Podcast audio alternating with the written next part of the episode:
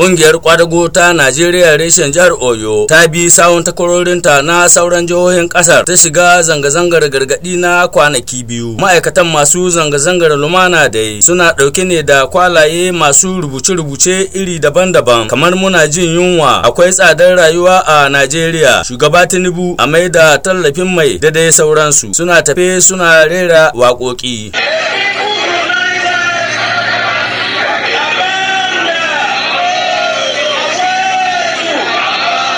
Gaban ƙungiyar kwadago na jihar oyo comrade kayode martins wanda ya jagoranci zanga-zangar ya ce rayuwa ta yi wuya a najeriya saboda tsadar kayayyakin masarufi.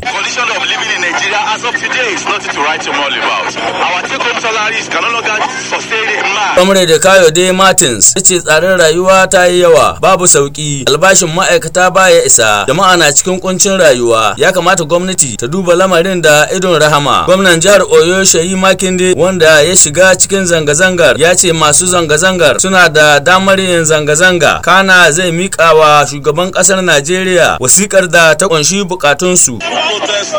their right. The letter they gave to me, I will pass it on to the president. Dr. Aminu Idris na jami'ar gwamnatin tarayyar Najeriya da ke Gusau a jihar Zamfara, masani kimiyyar siyasa ne a Najeriya. Malam Hassan kamar da muka sani dai dokar kasa ta ba 'yan kasa dama su gudanar da zanga-zanga ta lumana kuma hukuma ta da haƙƙin ta kare su su gudanar da wannan zanga-zanga cikin lumana kuma ina ganin ba laifi ba ne ga irin halin da 'yan Najeriya suka samu kansu na su zo su yi wannan zanga-zanga domin nuna ma mahukunta cewa lallai tabbas abun yana shirin kai makura. Kuma abun da ya kamata mahukunta su ɗauka shine ya kamata su ɗauki izina na cewa wannan ga irin wannan lokaci to tabbas ya kamata ya ɗari ɗari da ita. Domin duk lokacin da mutane suka shiga yunwa suka shiga damuwa suka shiga takura har suka kewa ga fitowa suna zanga-zanga to abin da ya kamata ɗauki mataki na sassauta wannan hali da kuma yanayi da suke ciki. Mun ga abubuwan da suke faruwa a wasu ƙasashe na arewacin afirka da kuma gabas ta tsakiya waɗanda zanga-zanga kan tsadar ba wai rayuwa gaba ɗayanta ba wani abu wanda suke gani da alaƙa da rayuwarsu matuka yau ya kai